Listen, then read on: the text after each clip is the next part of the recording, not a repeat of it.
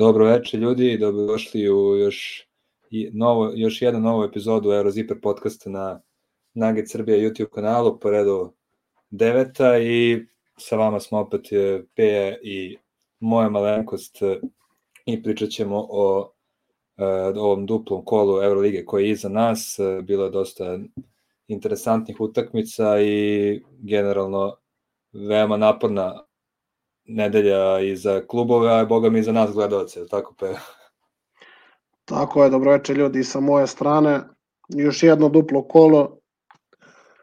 Mislim, naporno je nama da gledamo, mogu zamislim koliko je naporno igračima i stručnim štabovima, tako da još dodatno to imaju putovanja. Tako da možemo krenemo od Barcelone. O, da, ovu epizodu ćemo ići, kako se zove, po tabeli Evrolige, bit će malo osvrt na cel, celu sezonu od početka, tako da evo, Barcelona u ovom duplom kolu je pobedio, obe pobede ostvarila protiv CSKA i protiv Asvela, tako da ono što je to možda zanimljivo da se pobede, što su obe pobede bez Higginsa, koji je tu uz Mirotića najbolji igrač, tako da šat, kako si ti vidio te dve utakmice? E, moram ti priznam da je ova protiv CSKA bila pravo ti kažem vrhunska utakmica, nekako ono, od neko sam imao utisak da gledam neki playoff meč, bukvalno, ono, pošto su obe ekipe, svi znamo, vrhunskog kvaliteta i e, bila ona prava, uzbuljiva utakmica sa dosta kvaliteta sa obe strane, a nekako u celom tom meču, e, kad vidim tako dve dobre ekipe, kad igra jedan protiv druge, nekako sam provalio da ove godine, e, kad gledam Barcelonu, da se odmah ogradim, to je fantastična ekipa, znači prejak im je sastav, odlično igraju, sjajan trener, a nekako više volim Jeskivičisa gledam sa ovim njegovim postavkom igre u nekim e, timovima koji su više outsideri nego ovi, e, da kažem, apsolutni favoriti, sa, pošto kad, kad gledam Barcelona koja, ima pre, koja je prepuna takvim kvalitetnim igračima, kao što su Mirotić, Kalates, Higgins i tako dalje, ipak e, igraju dosta disciplinovano i nekako u nekim situacijama nema tu puno slobode onako u nekim e, pogotovo ovakvim utakmicama kada, kada želim da vidim neki lep potez, kada vidim, želim da vidim neki e, neku, da kažem, lepotu u igri, ono, desi se da, na primjer, kao što svi znamo u, u ekipama koje vodi Ašaron Seskevičius, mora pod obojazno, ne znam, u nekim situacijama, ne znam, se spusti lopta na koš, bez obzira šta se dešava, oko terena, ako se ne spusti lopta koš, ideš odmah na klupu i tako dalje. Tako da više volim da gledam uh, Jeskviću sve ekipe, na primjer kad vodi neki Žalgir i sve tako nešto, nego kad vodi ovako jake ekipe kao što je Barcelona. Ne znam šta ti misliš?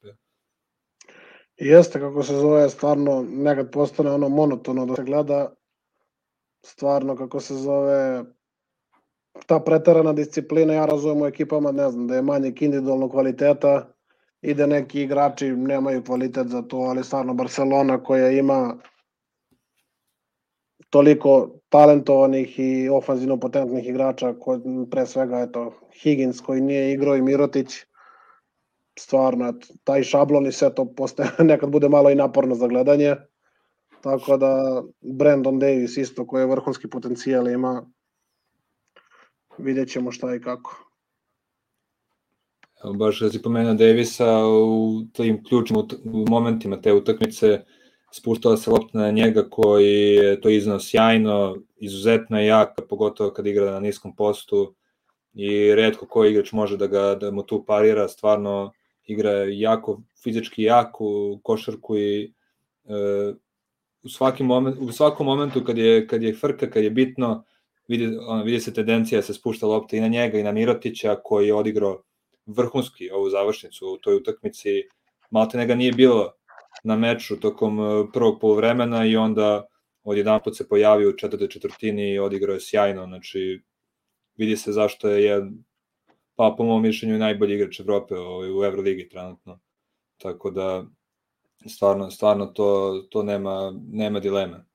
Barcelona igra fenomenalno stvarno. Da, Mirotić je odigrao obe utakmice, ajde, u prvu protiv CSKA koja je bila jača i odigrao eto, sa puno minutažom, u drugom polovremenu odigrao na njegovom nivou, dok je protiv Asvela ono, odigrao koliko je trebalo rutinski za, ne znam, 10-15 minuta je da 15 pojena, tako da stvarno, što se njega tiče, njegov kvalitet je iznad cele ove lige, tako da njegove partije me uopšte ne iznenađuju. Ono što je meni zanimljivo sad bilo u ovom duplom kolu, što je Jakubajtis dobio veću minutažu obe utakmice, što je generalno protiv Asfala Jaskivičius pružio, šansu mladim igračima. Tako da i Kajsedo je dobio neke minute koje ja mislim 2003. godište, ako se ja ne varam, tako Jest. da da. Tako da, eto, bilo je nekih lepih trenutaka u ovom duplom kolu što se tiče Barcelone, a što se tiče, eto, CSKA, boga mi, Vojtman je odigrao sjajno, međutim, ono otvaranje utakmice, da i mora dva pasa bez gledanja.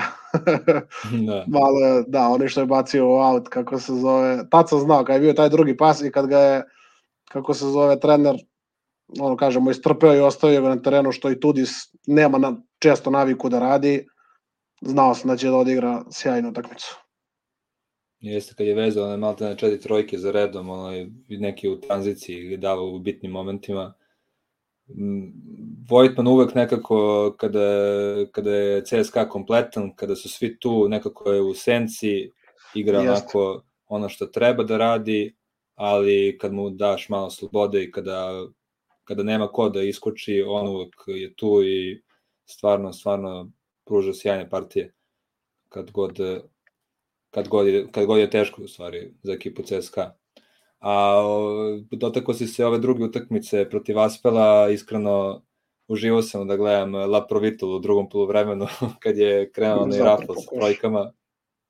Jeste. Da, sedam, sedam od 11 je šutirao taj meč uh, trojke, a mislim da je čak u prvom polovremenu da li je dao dva poena ili možda dao ni jedan koš i u drugom polovremenu je napravio rekord karijere po broju poena. Tako da ono, ono što smo pričali na početku sezone, La Provitola kada igra beka šutera, to je stvarno poezija za gledanje, tako da eto, malo ima sad tu ovaj, više slobode i pokazuje sav svoj e, šuterski potencijal u ovoj utakmici. Jeste najbolja njegova partija ove sezone. Sad vidjet ćemo kad se vrati Kalatas kako će to izgledati ponovo.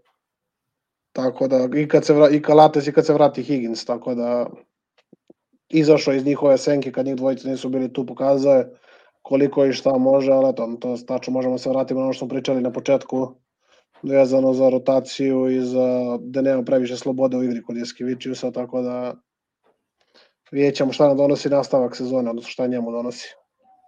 Hmm, tako je, tog utakmice čak u nakon neke pete ili šeste trojke Mirotić na klupi bukvalno imitirao, gestikulirao ovaj, E, e, gašenje šibice kada je ovaj, pogodio neku trojku, to mi je bilo simpatično vidim. Tako da eto se o svemu Barcelona na prvoj poziciji uz Real, koji, koga ćemo se sada dotaći. Oni su takođe imali dve pobede u ovoj duple nedelji. Prva protiv Aspela, druga protiv Zvezde. E, protiv Asvela nekako igrali su dobro tokom čitave utakmice, ali Asulić se tu držao, nije se predavao e, i pred sam kraj u četvrtoj četvrtini su uspeli nekako da, da im priđu, da odigraju ego završnicu, ali onda se pojavio sjajni e, Rudi Fernandez sa dve veoma bitne trojke kojim, kojima je Maltete ne rešio tu utakmicu. E, kad god su, oni su se tada primakli, Rudi je pogodio iz jednog natrčavanja iz blokova pogodio jednu, pa u sledeći napad od drugu i ne, to je bio kraj za asfalt. Stvarno, ono, pričali smo na početku sezone šta to, kakva će ulogu imati Rudi Fernandez, mislim da ovo što trenutno igra je idealno za njega i za njegovu ekipu i stvarno igra sjajno ove sezone. Da, Rudi Fernandez ove godine, ono što već pominjali, igra pokriva nekoliko pozicija u timu i stvarno uvek je na terenu kad su ti odlučujući trenuci i za sad to donosi pozitivne rezultate njegove ekipi, tako da Real stvarno ekipa koja eto, mislim, i Asvel i Zvezdu je, kako se zove, rutinirala, tako da vidjet ćemo. Ja sam ih ovaj najavio kao jedan od favorita na početku, kako se zove u prvoj epizodi, tako da za sada ispunjavaju, kako se zove, sve ono što smo očekivali od njih. Pravo tako. Opet je Geršan Jabosel odigrao odličnu partiju. protiv svog bivšeg kluba, igrao je bez pardona, ono, u njegovom stilu 18 poena, mislim 4 skoka, 3 asistencije, ali ono što mi se svidelo, što se tiče ekipe Asfela u, toj, u tom meču, Osetkovski, e, e da, da, to, to, kao pogotovo, to ćemo, doći ćemo do njega. ali prvo sam teo da pohvalim e, Osetkovskog, koji je odigrao možda svoju najbolju utakmicu do sada, e, pogotovo odbrambeno protiv e, Jebusela u par navrata odigrao odlično odbranu na niskom postu, a i napadački je počeo da pogađa šuteve, tako da mislim da se i on polako nameće TJ Parkeru da nije samo sistemski igrač, nego može da bude i čovek koji može da proizvede poene za svoj tim. Jeste, ovo je definitivno njegova najbolja partija ove sezone. Vidjet ćemo kako će igrati u nastavku, međutim, konačno eto, došao do tog nekog svog šuta na prethodnim utakmicama, nije mogao da pogodi te neke otvorene situacije koje se od njega reša, očekuje da reši. Tako da, eto, kad smo već kod Asvela, treba spomenuti možda Okoba, kako se zove, 26 pojena. Njemu je, otprilike sam znao šta će da bude, jer njemu je Real ta ekipa koja odgovara, ono što smo pričali u prošloj epizodi, što si ti rekao, on igra u nekom svom ritmu, u nekom svom svetu i preterano ga ne zanima šta se dešava okolo, tako da takvi igrači uglavnom protiv Reala odigraju sjajnu utakmicu. Tako da, eto, on je pokazao da je vrhunski strelac i vrhunski igrač. Ono, 26 pojena i 6 asistencija, stvarno sa dobrim procentima šuta. Stvarno odličan, kako se zove, uspeha.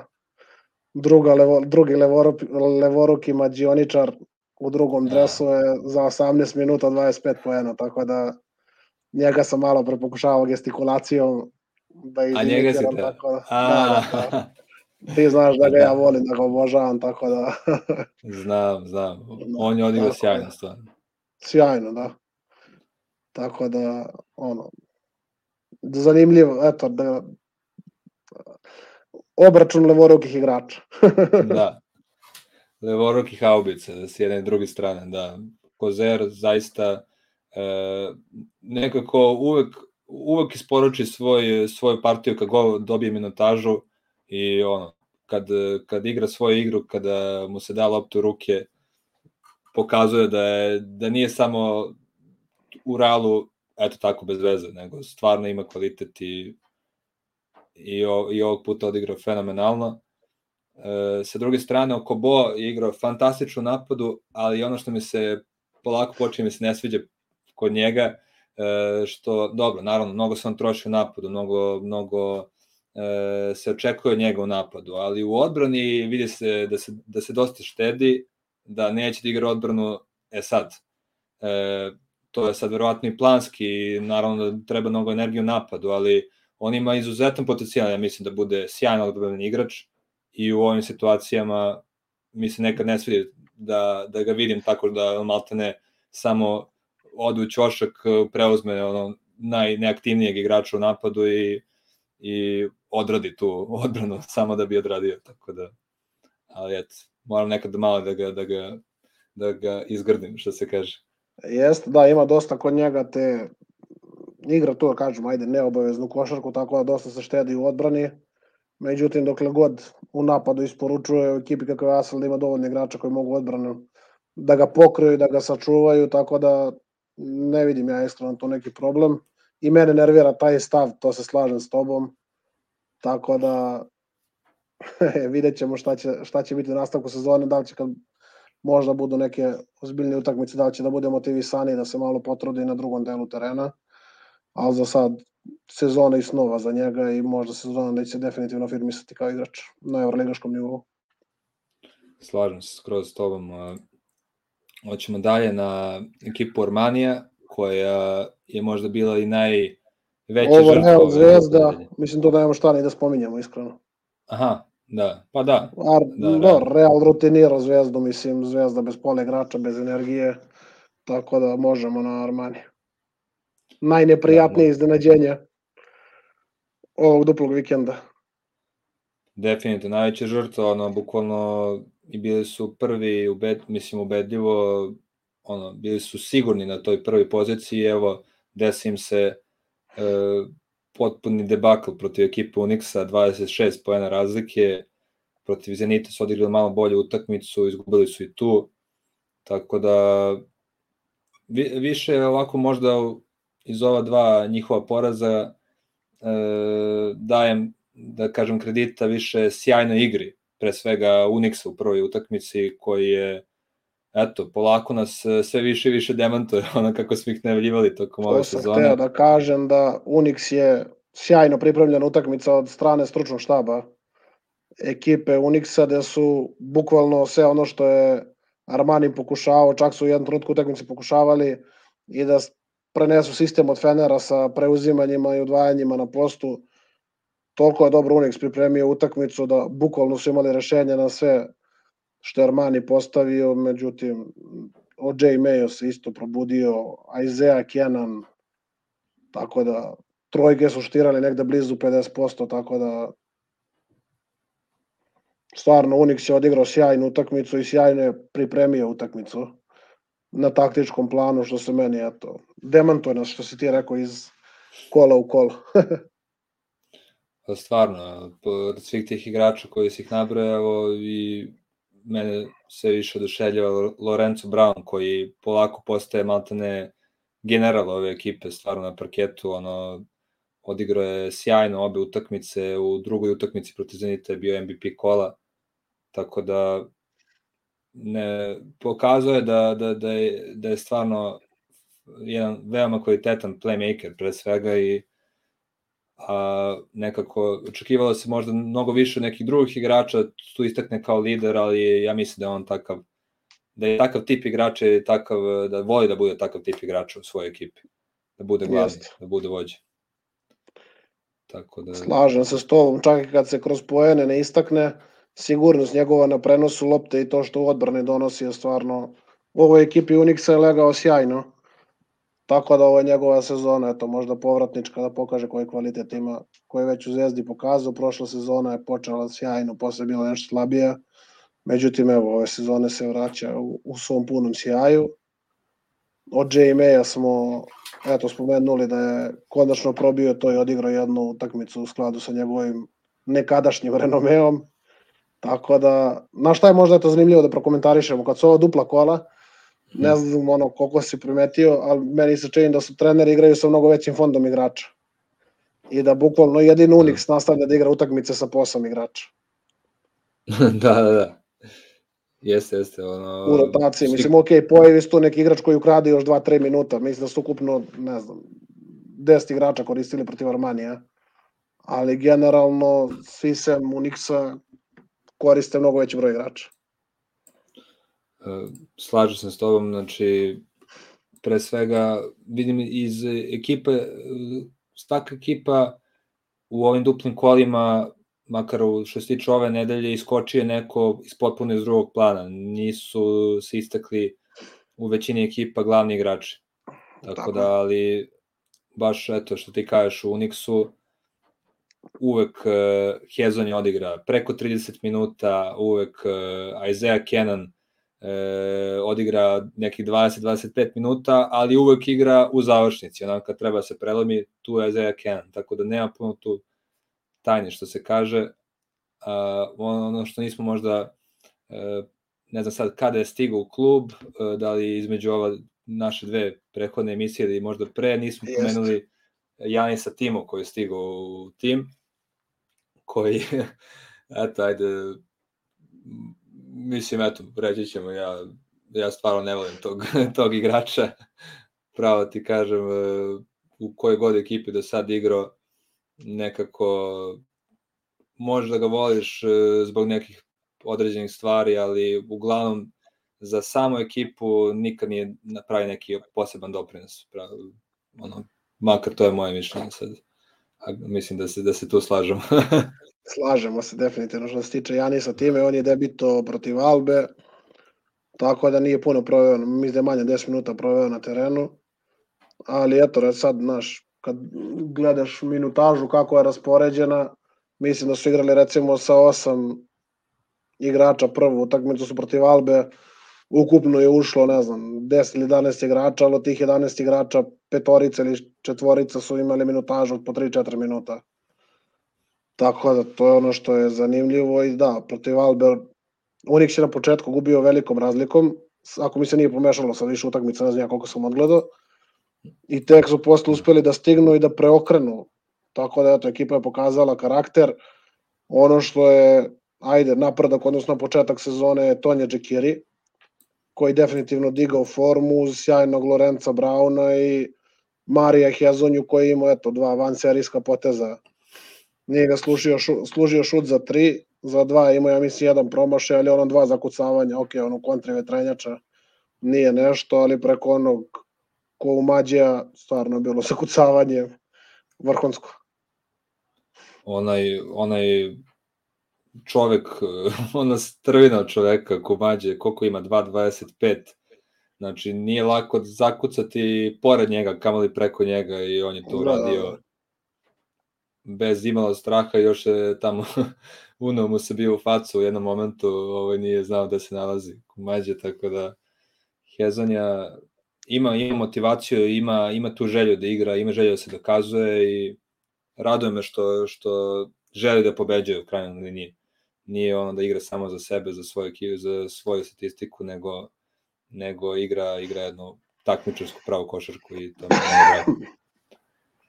Tako je, slažem s tobom po meni zadovoljan, mislim, on je zadovoljan ulogom koju ima, igra kod Perasovića koji je iz istog područja kao Hezonja, razumeju se imaju tu hemiju, za neke greške mu se i progleda kroz prste, ali ono što je očigledno je da Hezonji prije uloga koju ima i celo okruženje da ova sezona stvarno, stvarno sjajno igra. Tako je, mi krenuli bili o Armaniju, završili Unixa, dobro, nema... Ar Armani stvarno ono, mislim da ima samo lošu nedelju i pravo ti kažem, ne, ne znam šta bi puno tu i mogli da kažemo. Mislim da će oni nastaviti u svom ritmu da igraju i naredne utakmice. A ono što ono i koga smo sledeći Armani je da, na da... tržištu, Armani je na tržištu koliko ja imam informacija za poziciju 1 i za poziciju 5. Tako da vidjet ću E, upravo to... Neko sam se mutirao. Na tržištu su za 1 i 5 i vidjet ćemo šta će uspeti, šta će se na kraju tu desiti, koga će dovesti, da li će uopšte nekoga dovesti. Tako da, eto, na, ja verujem da će se vrlo brzo vratiti na svoj nivo. E, upravo si me podsjetio što se tiče, što se tiče e, pozicije 1, dobili su Tomaza Baldasa iz ekipe Fortitude, sad bukvalno sam danas video vest, e, da, da, da. playmakera koji je igrao kod Jasmina Repaša na početku ove sezone i on je jedan veoma, da kažem, pouzdan playmaker, e, neki sličan, e, igra na neki sličan način kao, na primer, e, recimo Marko Spisu koji igra u Unixu ovu sezonu i definitivno možda će značiti, pogotovo što je Dileni trenutno i dalje povređen i mislim da će, da će im značiti mnogo u nastavku sezone. Mislim da neće biti samo E, tako onaj igrač e, pomoćno osoblje nego da će nego da je doveden da bude tu jedan od e, da kažem bitnih igrača za u rotaciji naravno. Lesoro ističe ugovor u subotu sa Makabijem, tako da po nekim ajde, informacijama koje sam video da je i on opcija za Armani, pa vidjet ćemo da li će biti od toga nešto ili će Lesor na ovo naše područje ovde. Sor da se napokon završi ta saga sa njim. Koketira sa jedno 16 klubova u Evropi ovaj, od starta ove sezone. da, ono što je zanimljivo, neće moći da igra pre početka drugog dela Evrolige, tako da da. nisam siguran koliko će Armani moći da ga čeka, ne znam koliko je škola ima do polovine, tako da vidjet ćemo šta će biti na tržištu, šta će dešavati. E, sledeći nam je Zenit na tabeli koji su sa istim skorom kao Armani 8-3. Oni su pobedili obe utakmice, baš Armani u svojoj drugoj utakmici, a u prvoj utakmici pobedili ekipu Alba sa 9 razlike. Nastavili da igraju odlično, pa evo, pričali smo o njima i prošli put, stvarno e, Lloyd i Baron su neverovatni strelci, neverovatni igrači i sjajno sarađuju zajedno, tako da Zenit eto, mislili smo da će da se muče tokom sezone, tačnije dok se ne vrati Neipir u ekipu, a oni eto, hitaju kao prvo mesto, malte ne, dok, dok njega nema. Jeste, sjajno, sjajno igraju, kako se zove, sjajno komponovana ekipa. Ono što je, eto, prvoj utakmice protiv Albe iskočio Jordan Lloyd sa jednom all-around partijom. Ona, to su prilike one partije kad mu se igra košarka, tako da ne znam, imao je 25 pojene, 6 skokova, 5 ukradenih, 3 asistencije, tako da stvarno jedna sjajna partija. To, mislim, ekipa koja je sjajno skockana, koja igra, izgleda vrlo kompaktno, igraju jedni za druge, imaju ono što već, ne znam, milion puta spomenuli, imaju ponitku kao tog Lugaja i vidjet ćemo Napier, eto, bliži se i neki termin njegovog povratka na teren, pa ćemo vidjeti kako će se to do kraja uklopiti i kako će izgledati sa njim na terenu. Za sada stvarno sjajna sezona. Protiv Albe jedna utakmica koja, eto, Lloyd odgovara taj stil igra. Baš tako. A, eto, možda napokon da pohvalimo našeg brata Jordana Mikija protiv e, Armanija je odigrao odličnu partiju, ima 17 poena i eto, napokon da i njemu uputimo reči hvale tokom ovih naših emisija. Jeste. Miki, kako se zove, jedan igrač koji, eto, meni je možda i najmanje jasan, mislim, ne, stvarno, potencijal koji ima neverovatan, u napadu može da radi sve, jednu utakmicu odigra vrhunski, drugu utakmicu ono nema ga nigde, međutim ove sezone i to kad ga poentarski nema nigde za razliku od prethodnih sezona, stvarno doprinosi ekipi, podredio se timu i to je to Ćao i Pasqual, što je bukvalno skockao ekipu, igraju jedni za druge, pravi su tim, pritom imaju individualni kvalitet i stvarno ekipa koju volim da gledam. Tako je. Imamo sledeći na tapetu su nam, e, nam je Olimpijakos koji je imao 1-1 u ovoj e, nedelji. Izgubili su od Efesa 19 razlike, a zato su ubedljivo pobedili Makabi sa 17. I evo, opet e, Saša Vezenko se vratio na svoj pravi, pravi njegov omiljeni mod, odigrao je odlično protiv, čini mi se, baš protiv u pobedi protiv Makabija. Tako Obe da, je on odigrao da sjajno. Verujem, verujem da se ti ja uživao. da, Vezenkov, eto, prošlu utakmicu smo ga, pogotovo ja, bio je moj Miki nedelje, tako da evo, ove, ove nedelje odigrao duplo kolo i odigrao sjajno.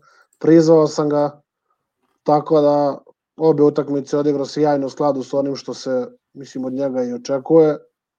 Tako da, rutinska pobeda protiv Makabija koja ni jednom trenutku nije dolazila u pitanje.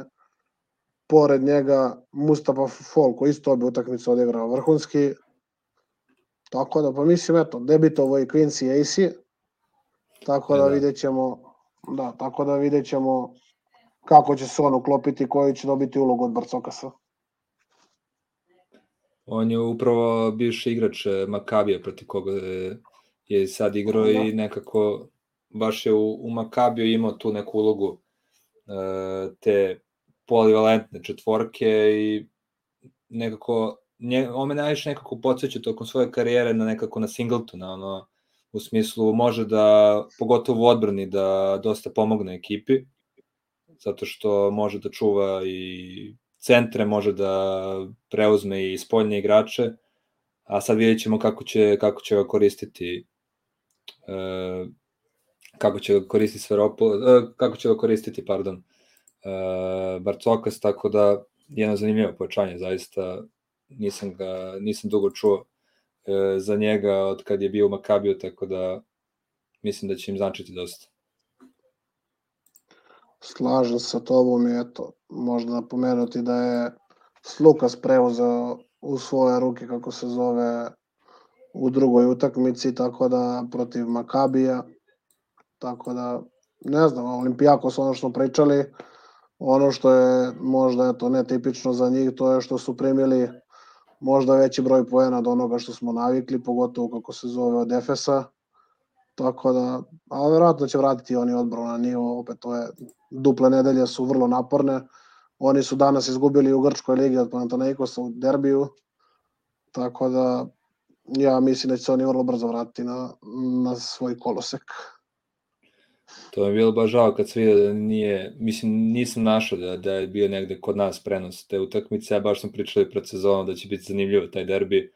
E, mislim naravno sad tokom sezone smo i uočili da će pogotovo danas bi je trebao da Olimpijakos da bude taj e, apsolutni favorit u toj utakmici zbog načina igre i kako su do sada igrali u Euroligi, ali eto pobedili ih ekipa Panathinaikosa. Ali nekako sam baš to očekivao, vola, teo sam da gledam tu utakmicu, jer eto, nekako su, iako ne igraju na isti način, ne igraju dobro jedni i drugi, nekako su slično komponove ekipe i bilo mi zanimljivo to vidim, tako nadam se da će uspeti da nađem e, tu utakmicu. A što se tiče našeg e, daljeg rasporeda, imamo upravo Makabi, koji je izgubio od Olimpijakosa u svojoj drugoj utakmici, a prvo je pobedilo ekipu Monaka. E, tako da i oni imaju 1-1 u ovoj, u ovoj duploj nedelji.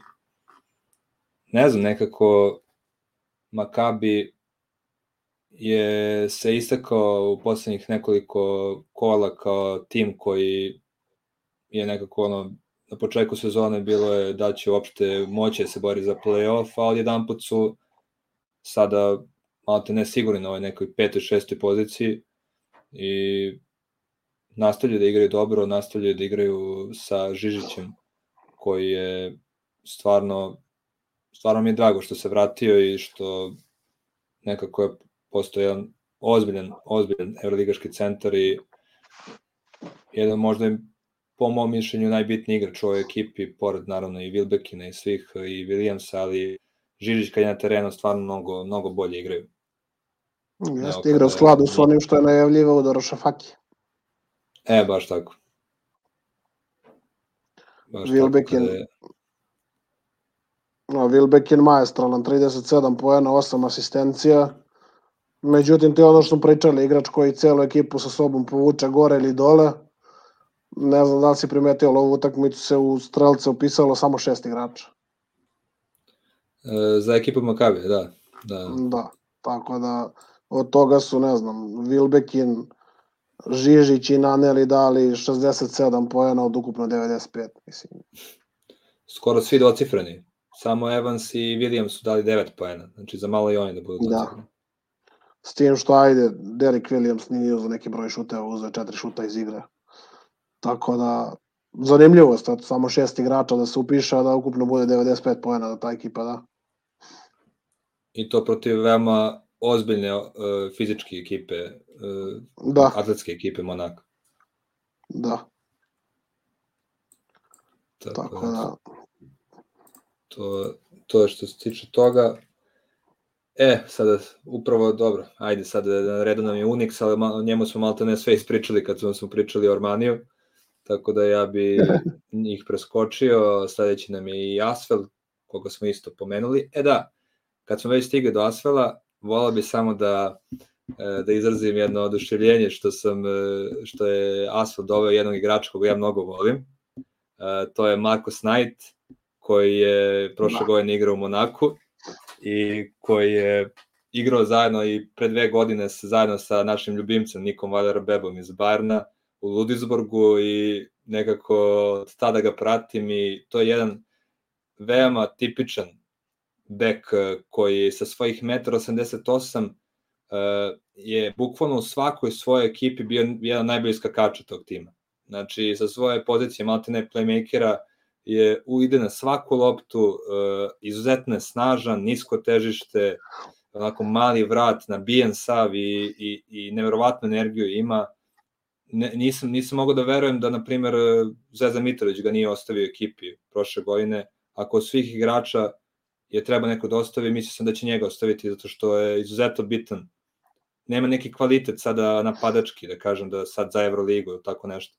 Ali mislim da je ono prava duša ekipe, gde god igra i to kad sam video i odigrao svoju prvu utakmicu protiv uh, Reala, nije se nešto sa puno istakao, ali naravno prvi meč je tako da eto, samo sam želeo da, da pozdravim taj potez ekipe Asfel. Jeste, zanimljiv igrač koji, eto, može svojim gabaritima ne izgleda ono, na terenu, ne znam nija kako, ali stvarno mnogo doprinosi.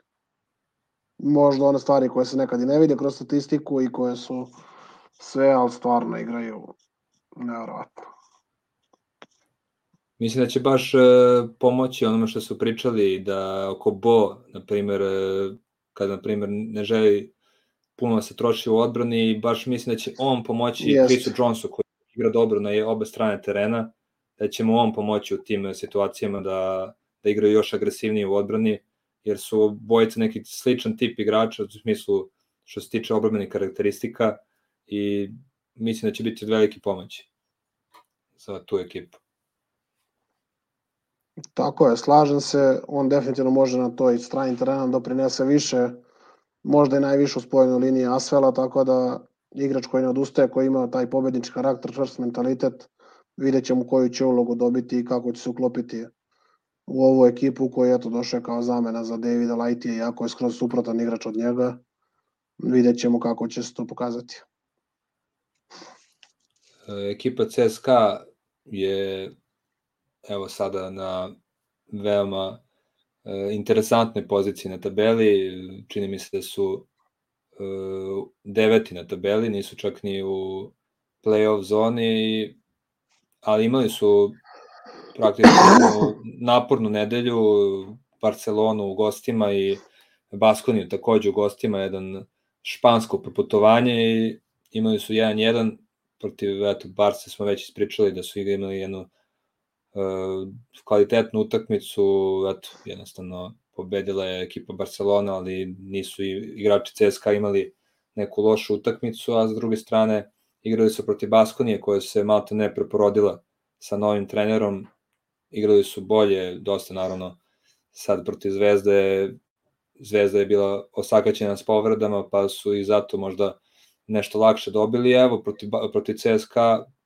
čini mi se da sa Duškom Ivanovićem u nekoj na, na, pro, protekloj nedelji e, ne bi mogli da odigraju ovako čvrstu utakmicu kao protiv što su odigrali protiv ekipe CSKA.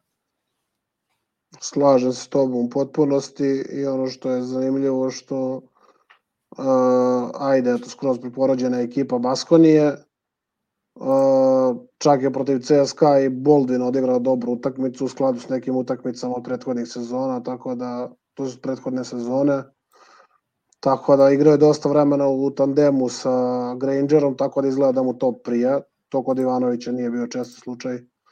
Tako da vidjet ćemo na koji način će ga Spahija koristiti. Generalno vidimo i da je Noko dobio ajde neku ulogu koju je izgubio kod Ivanovića, tako da on je bio pred otkazom, bar po onemu što se po medijima pojavljivalo. Pa vidjet ćemo i za njega kako će biti status, da li će ostati u toj ekipi. Ono što je svako najsvetlija tačka ove dve utakmice Steven Enoh, tako da imamo jedno monstruozno zakucavanje. Tako da, eto, to je to što se tiče ekipi Baskonije. A, što se tiče ekipa CSKA, mislim već smo pričali o utakmici protiv Barcelone.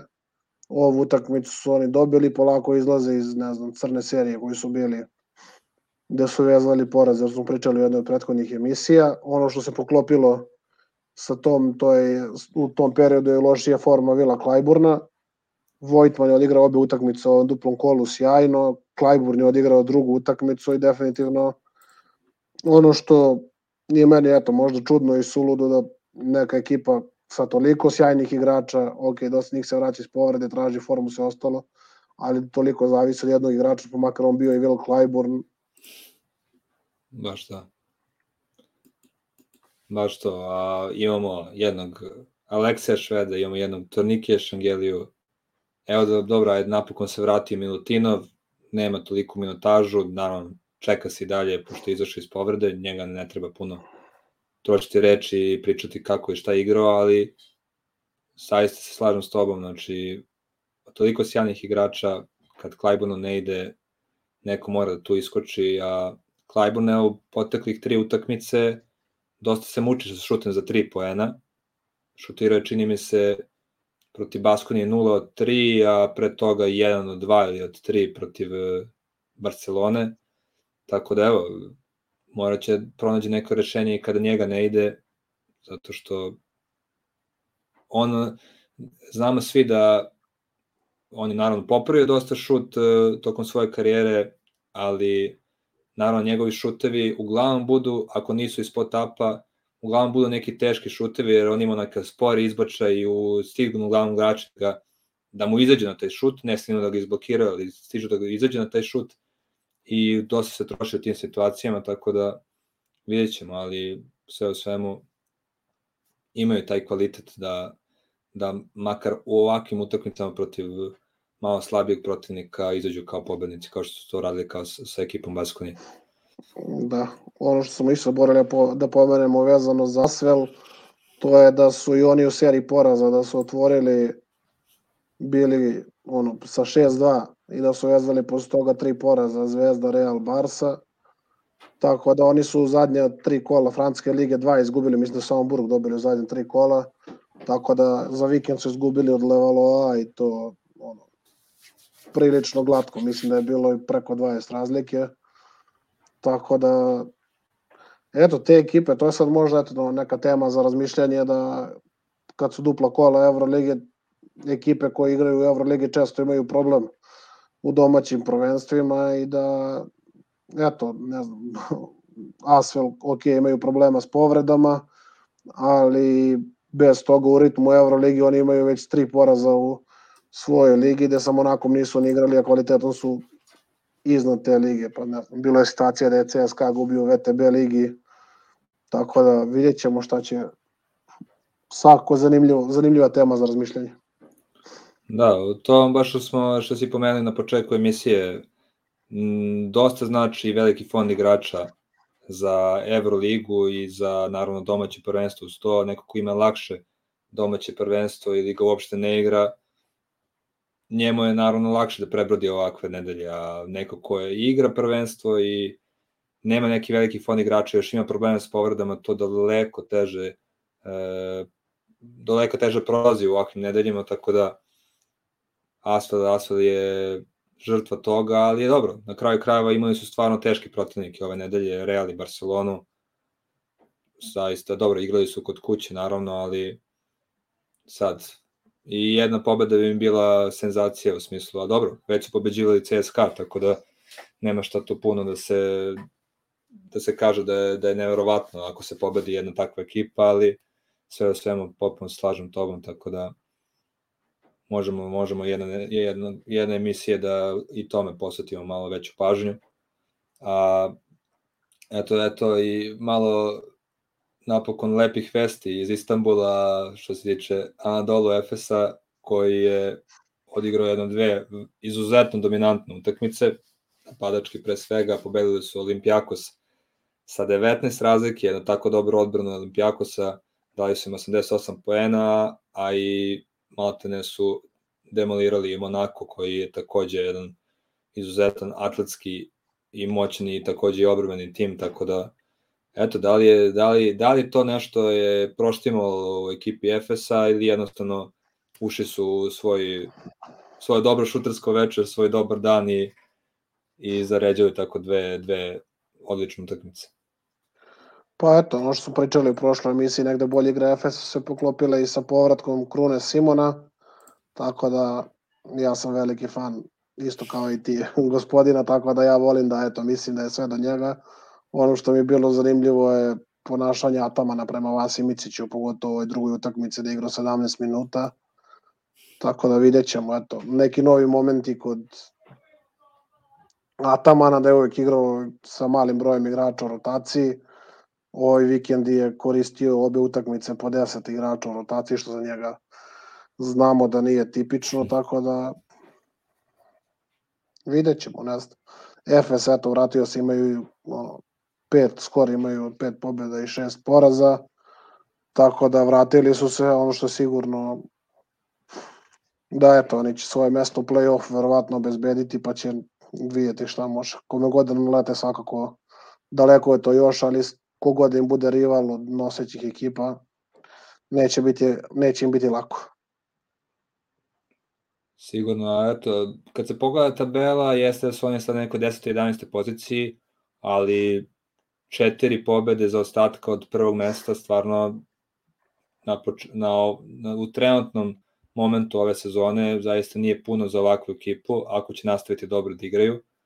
A mislim da je ova naznaka nekih boljih partija, kao što si ti rekao, i da će biti sve konstantniji u, svoje, u svojim igrama.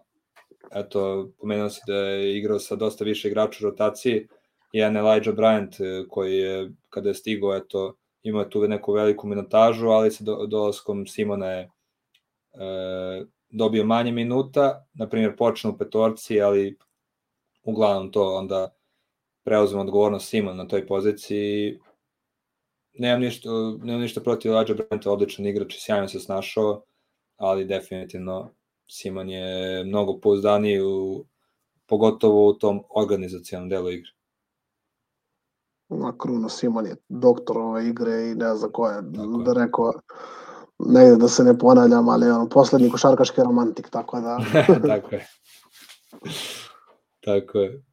A sad, sad, sad si me podsjetio kad si rekao da nije ovaj, to e, da je čudno zatama da igra sa mnogo, sa mnogo igrača u rotaciji, setio sam se onih njegove generacije u Galatasaraju kad igra Matane sa šest igrača celu sezonu, ono, Vlada Micov, e, Erik McCollum, ko je to još bio, ono, Sinan Buller. Ercega, Rojo i Kokseji Koksal. Tako je, bravo. Kako generacija. Turski Branko Lazić. Kokseji Koksal. Koksal identičan primjer od turskog Branko Lazića, stvarno. Evo ja mislim da i dalje tamo u, u Galatasaraju i pravi je, pravi je ono što se kaže pitbull. Igra odlično, tako da, eto, podsjetili smo se i tih nekih uh, lepih vremena, što se kaže. Jest. Tako da idemo, idemo dalje na Monako koji je izgubio obe utakmice i to poprilično bedljivo, kao što smo već rekli, protiv Efesa, protiv Makabija izgubili su 11 razlike.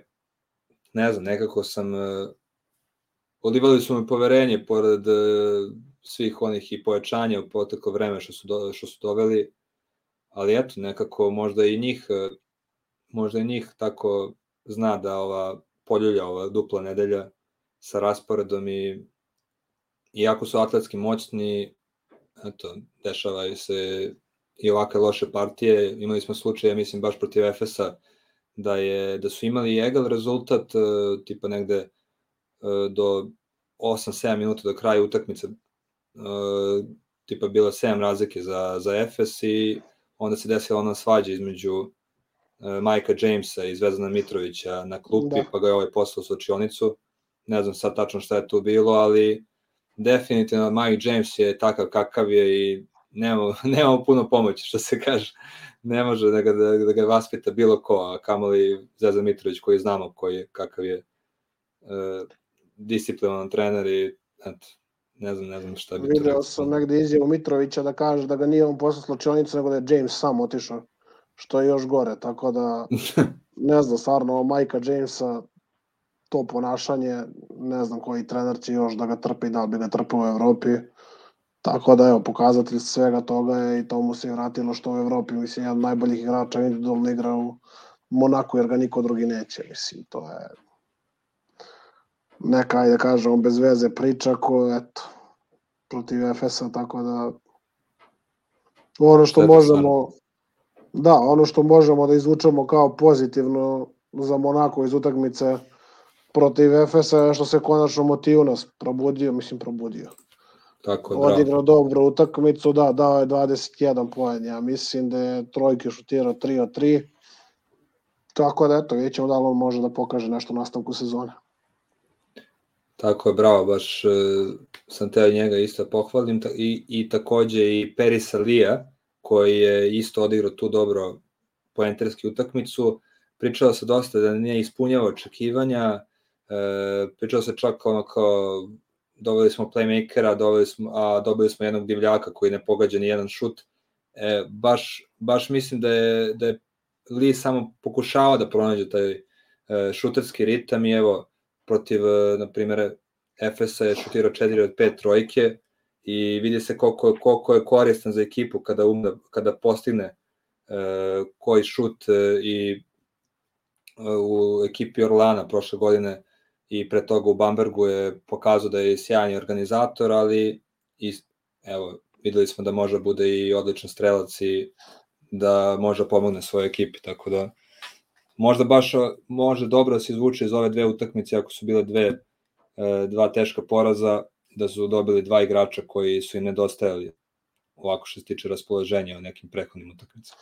Pari su li fali ono, konstantnost oko ove sezone. Evo, čak to se pokazalo i u ovoj nedelji da je prva utakmica šutno 0 od 4 za 3 poena, a onda drugo 4 od 5, tako da celu sezonu igra u tom nekom ritmu, ili sve pogađa ili sve maši.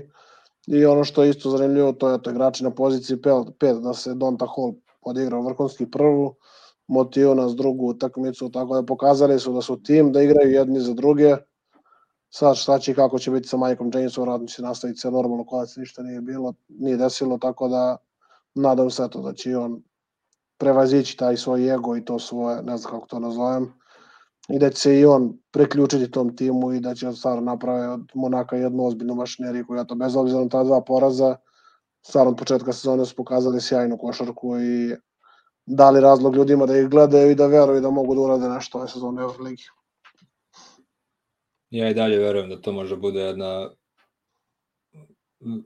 opasna je playoff ekipa u budućnosti, možda već ove sezone, tako da pravo se ima, ima e, ta ekipa u budućnosti potencijal za nešto mnogo više, a o, oni koji su takođe imali 5-6 e, nakon ove nakon ovog 11. kola, to je ekipa Bajerna, e, koja je pobedila obe svoje utakmice u, u Audi domu njihovoj hali. To su bili Fener, e, šrte su bili Fener i Panathinaikos. Ako nešto treba da se pomene što se tiče ekipe Bajerna, to je sigurno Vladimir Lučić, jedna facetina koja obožava da igra neizvesne završnice, stvarno pokazao upravo ove dve utakmice, kao da mu se upoli neka crvena lampica u tim situacijama i krene da melje, ono, protiv Fenera igrao odlično ceo meč, e, dao onaj bitnu trojku u poslednjem minutu, a zato protiv Panathinaikosa je imao katastrofalnu utakmicu, nije mogao ništa da pogodi, e, imao je nula poena do 35. minuta i naravno kada krene onaj kao clutch time Ja mislim da se baš u NBA-u gleda clutch time uh, poslednjih 5 minuta pri razlici od uh, maksimum 5 razlike za jednu od ekipa, da se tad računa kao taj period i eto baš kada je, kada je otkucalo to vreme Vučić pogađa prvu trojku i na kraju preko Derila Mejkona ono njegovo je iz obe su bile ono što je karakteristično za njega on je njegov šut. Kad primi loptu bez driblinga iz mesta odmah digne preko ruke i pogodi. Tako obe te pogodije, prva je protiv, protiv, preko Karo White, druga je preko, preko Mejkona, tako da stvarno, stvarno ne znam šta više kažem ovom čoveku, on je, on je nevjerovatan igrač i zaslužuje ovo što, što mu se trenutno dešava u svojoj karijeri. Jeste, definitivno ono, da se ne ponavljamo, najbolja trojka u Evropi, tako da ekipa koja najviše znači za svoju ekipu, igrač koji najviše znači, videli smo koliko se njegovim povratkom bar, koliko je druga ekipa, tako da čak kad ga nema poentarski celu utakmicu, tu je da prelomi, tako da Bayern net sa dve pobede i oni podižu svoj skor na lestici Evrolige, tako da ono konstanta u ovoj novom duplom kolu je Agustin Rubit, koji je odigrao sjajno obe utakmice. Tako da protiv Panathinaikosa možda treba da spomenuti Daruna Hiljarda, još jednog levorukog još jednu levoruku haubicu, levoruku gubicu, tako da eto, ja volim kako se zove te levoruke da spomenem. kako ne. Evo, kad već njega spomenjemo, imam i dres e, njegovog koleđa, a tačnije duks njegovog koleđa. Tako da, ovaj, on je odigrao... Ko kaže moje komentarima šampionski duks. A, da, da, da, da. Evo i Ratko isto ovde pomenuo što je rekao i Dejan Doza Miška Žnatovića, Vladimir Klačić. Mislim da ne može bolji opis za, za Lučića. Ali eto. na kraju krajeva. Moramo neku od epizoda da pozovemo Ratka da nam pomogne u ovim sjaj, našim observacijama. U, kako, Kako ne, kako napisao, ne. tako Evo, da, da. evo, Raloni imaš e, i zvaničan poziv preko emisije, tako da ne može se odbija ovo. Što se kaže, kumstvo se ne odbija, pa ni poziv u Eurozipter, da znaš ono. tako da, eto, to je, to je što se tiče e, ekipe Barna. Nakon njih nam sledi Zvezda, koja, eto, imala je PS hvata za glavu, imale veliki broj problema sa povredama, nisu im igrali i Poters i Mitrović, a protiv Baskonija se povredio Kalinić, tako da ne znam šta su mogli puno da očekuju u, u ovom njihovom, njihovoj avanturi po Španiji, ja ne znam šta kaže Peja, ali eto, šteta Čekaj, za, ja sam se izgubio oko ovih vakcina i oko ovoga. Što se tiče zvezde, ja si zvezdu pričao, da? Tako je, tako je. A ništa, mislim šta, posle derbija velika potrošnja, dobro su pogodili put do, kako se zove, Baskonije, tako da, ne, ne znam, nema šta kažeš, Vitorije, tako da, očekivano, mislim, ono što, eto, pričali smo u prošloj emisiji, promena trenera pred utakmicu sa Zvezdom, tako da uvek to izađe na dobro, tako da sjajno, mislim, Zvezda koliko je mogla, čak i to prvo polovreme protiv Reala izgledalo je prilično dobro, posle više nije imalo ni snage ni kvaliteta, povrede igrača, na svu sreću ovim da se Kalinić i Volters i Luka Mitrović večeras vratili, tako da vidjet ćemo. A upravo tako, mislim da iz e, cele ove nedelje najbitnije da su se vratili ta trojica igrača posle povreda Nije tu i bilo nekih ni očekivanja, a vidjet ćemo sad igraju u petak, u četvrtak igraju igra reprezent... ne, kako ide, kad igra reprezentacija? u četvrtak Ako reprezentacija, u mislim da četvrtak Zvezda reprezentacija, Zvezda u petak sa Unixom. Tako da, eto, biće prezanimljiva utakmica Unix, Zve- Zvezda Unix, tako da biće zanimljiv Eto, tema i u sledećoj emisiji. E, upravo tako, a baš što si pomenuo za reprezentaciju, evo, vidio sam danas da, da je Kari skratio spisak i da što se tiče ekipe Zvezde da je povukao Dobrića i do, da Davidovića sa spiska, što je u Da. redu, što je po meni bilo i očekivano, jer realno bitni su igrači u rotaciji, tako da potrebni će, potrebni će biti Zvezdi u utakmici protiv Unixa koju koju uzlaznoj putanji što se tiče forme, tako da nema veze, ima, ostaje tu Skoković i- koji mislim da može da pomogne naše reprezentacije, tako da eto, to je što se tiče te informacije. A, idemo dalje mi na, na Baskoniju koju smo malo ne i rekli dosta stvari iz analize prethodnih timova. Dobili su Zvezdu 19 razlike, izgubili su od CSKA 6. Rekli smo već i za dobre partije Bodvina i pre svega Stivena Inaka koji je zaređio jedno tri brutalne partije i ono što smo pričali bili još ranije da nije, nije e, jednostavno bio pripremljen možda za ovaj nivo košarke, a evo sada igra red, može se kaže izuzetno fizički jaku košarku i ono, igra je protiv ozbiljnih centara na kraju krajeva što se tiče i Barcelone kada ima 35 indeks u onoj prethodne nedelji, tako da izuzetno mi je drago da ga vidim da, je, da se da konačno igra svoju igru i da može da bude jedan ozbiljan centar u budućnosti u Euroligi. Tako je. Baskoni je ima isti skor ko Zvezda. Ono, ispričali su manje više sve, novi trener, ispričali su manje više sve u prethodnim kad smo pričali o CSKA i o Zvezdi, tako da vidjet ćemo šta će, koje će to novitete još doneti u igri Baskonije i da li će možda, čuo se na tržištu za još jednog igrača, tako da vidjet ćemo da li će to biti još nekih promena. E, dolazimo do onog tužnijeg dela Istanbula, do ekipe Fenerbahča, koji su opet izgubili obe utakmice u duple nedelji, prvo protiv Barna, pa protiv, e, protiv Žalgirisa i definitivno se upalila e, de- definitivno se upalio alarm u, kod klupe Že, Aleksandra Đorđevića. Ovaj tim mora, mno, mora i može mnogo bolje od ovoga tako da ne znam šta će biti u narodnom periodu, ali nešto mora da se menja, da sistem igre, da trener, ne znam, ali Fener sa ovim sastavom mora mnogo bolje da igra i to, to je, mislim, jasno ko dan. Čuo sam jučer, preklič, ne mogu da se setim, ne znam od koga sam čuo, ali jedna od većih gluposti koje sam čuo u poslednje vreme, što se tiče Fenera, kaže, pa kao naš nije do Saleta Đorđevića, kao ta ekipa je selektirana i pravljena prema Kokoškovu.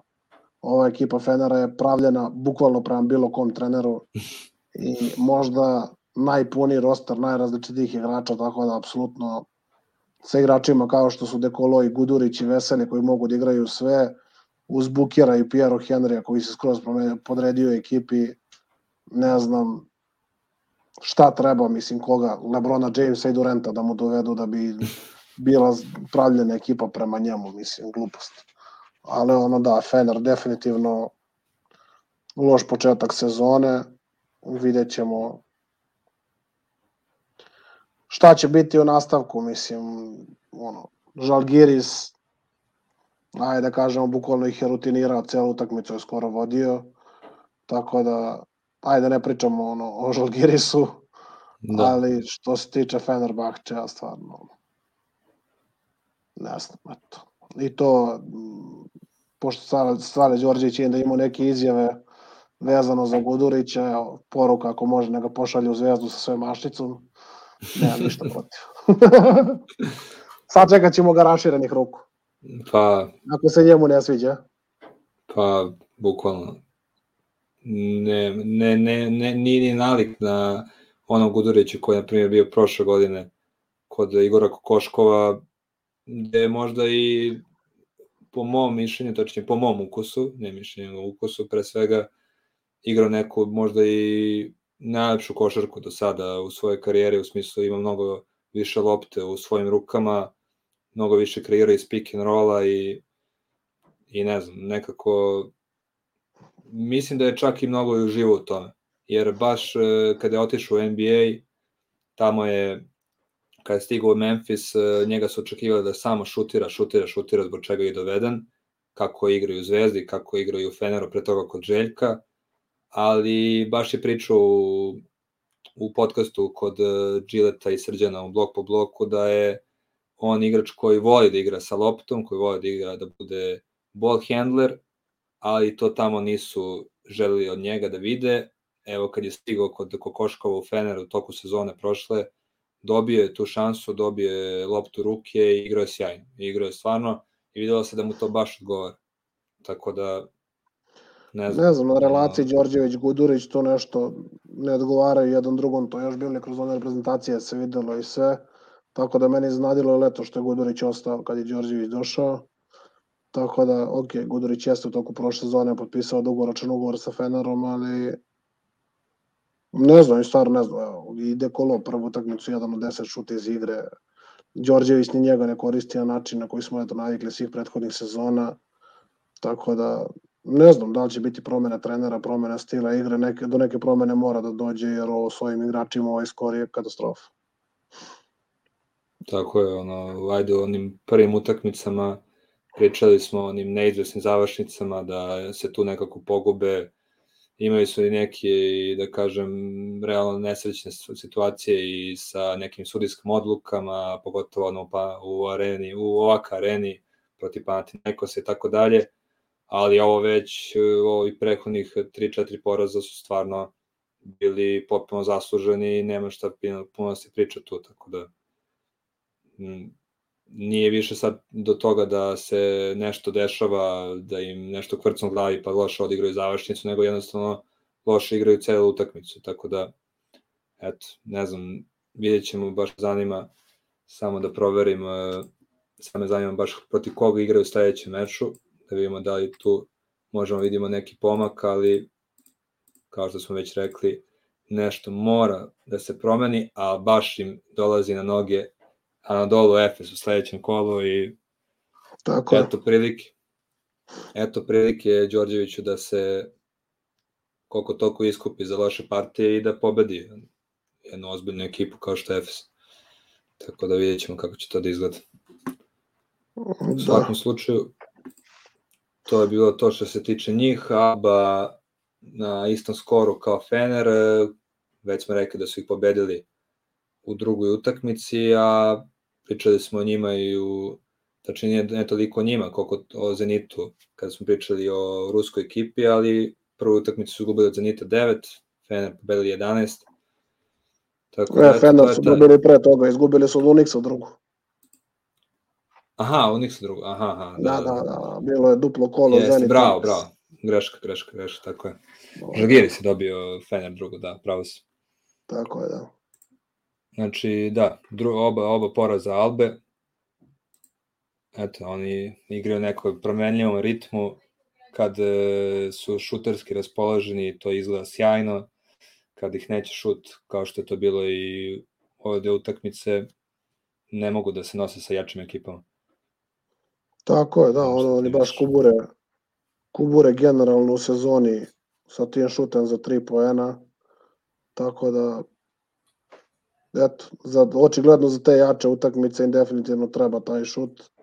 Mislim, ajde, što je bilo, što je bilo očekivano, tako da Vidjet ćemo, ono što se poklapa s njihovim lošim igrama su i loše igre Luka Sikme koji im je najbolji igrač, tako da Tako je. Ne znam, stvarno, ekipa koja, ja sam protiv Zvezde dosta oduševljen njihovim trčanjem i zalaganjem, sad protiv Unixa su otvorili savršenu utakmicu, imali veliku razliku, posle toga izgubili. Baš su bili nemoćni u jednom trenutku, ono što sam ja video. Pa da, u, protiv Unixa koji, koji ih je tu u tom periodu, baš kada su kada su ih stigli, videlo se da nemaju snage da igre protiv tako jake ekipe što se tiče uh, atletike i onda su maltene izgubili na kraju ne toliko ubedljivo, ali rutinski su izgubili utakmicu na kraju.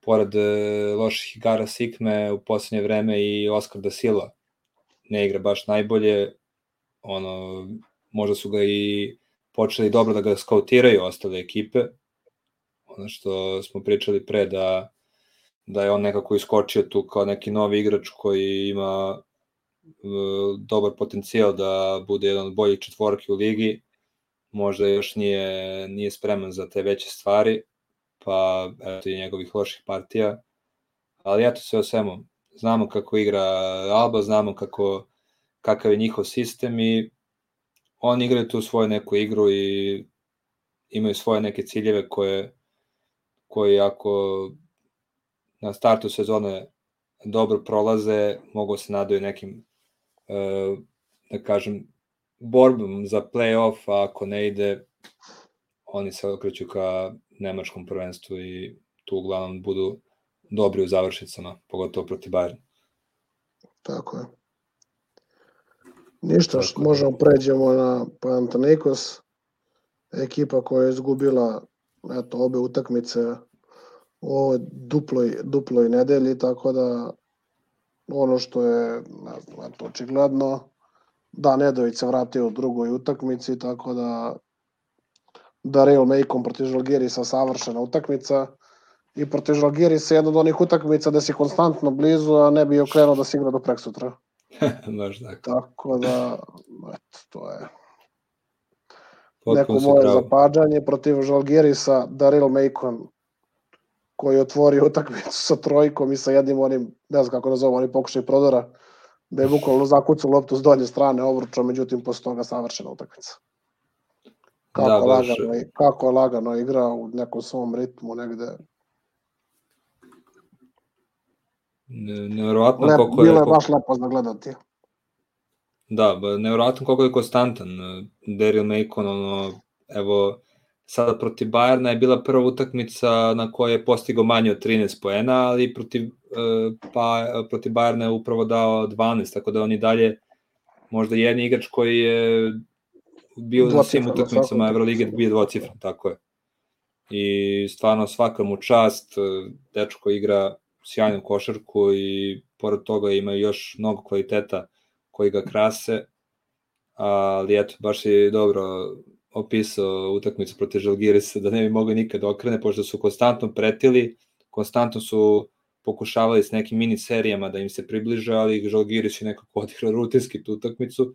Pričat ćemo o njima baš, e, evo, možemo i ovako uporad da pričamo i o Žalgirisu koji je eto, tu utakmicu baš onako rutinski odigrao i nije delovalo baš da su na skoru 0-9, tako, u tom momentu. Tako je. Nekako su ih e, baš rutinski tu dobili.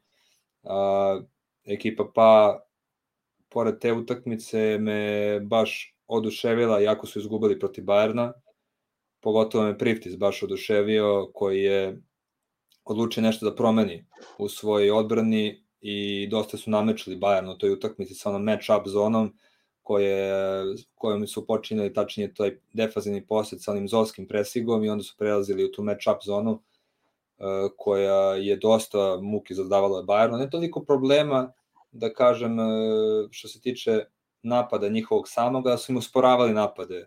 E, tražili su od njih da, da što kasnije šutiraju na koš, tražili su im neka iznuđena rešenja i nisu im dali da im tečna lopta ide u napad. Tako da Priftis me tu baš iznenadio i drago mi je da, da želi da promeni, da želi da menja, da, da zna da nešto mora da promeni jer njegova ekipa realno napadački nije toliko potentna, nema tu toliko, toliko talenta u napadu, pored naravno Mejkona i jednog Joanisa Papa Petrova koji je odigrao odlično protiv Bajerna, ali eto, na kraju krajeva imaju dobru, imaju veliki potencijal da dobro igraju odbranu i evo, na, ima, imaju i potencijal da igraju dobro sa tim nekim, e, da kažem, e, ne tipičnim odbranama i da, da na taj način poremete protivnika.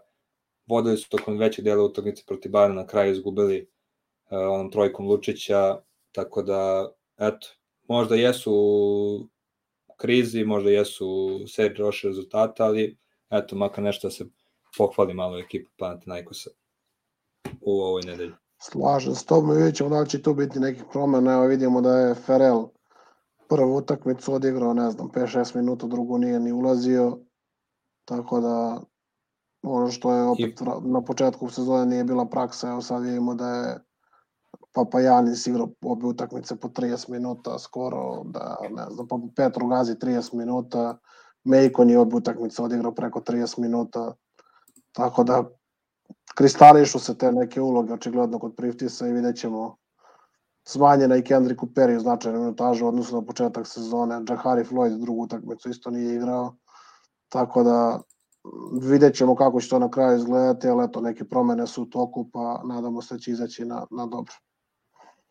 Ono što je ko Žalgirisa što je spomenuo, ja moram mm. da mhm. spomenem Mareka Blaževića, mm -hmm. kakav igrač, ono je, kakav talenat, stvarno.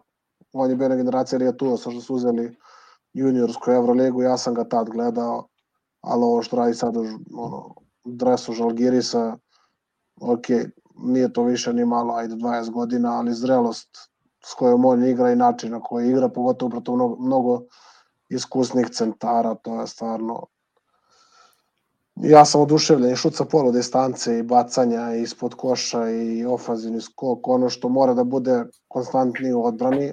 Ovo što sam primetio da je u odbrani dosta dekoncentrisan, da se dosta gubi, ali to će se doći sa godinama i sa nekim kontinuitetom, da budemo kontinu, minutažu u kontinuitetu.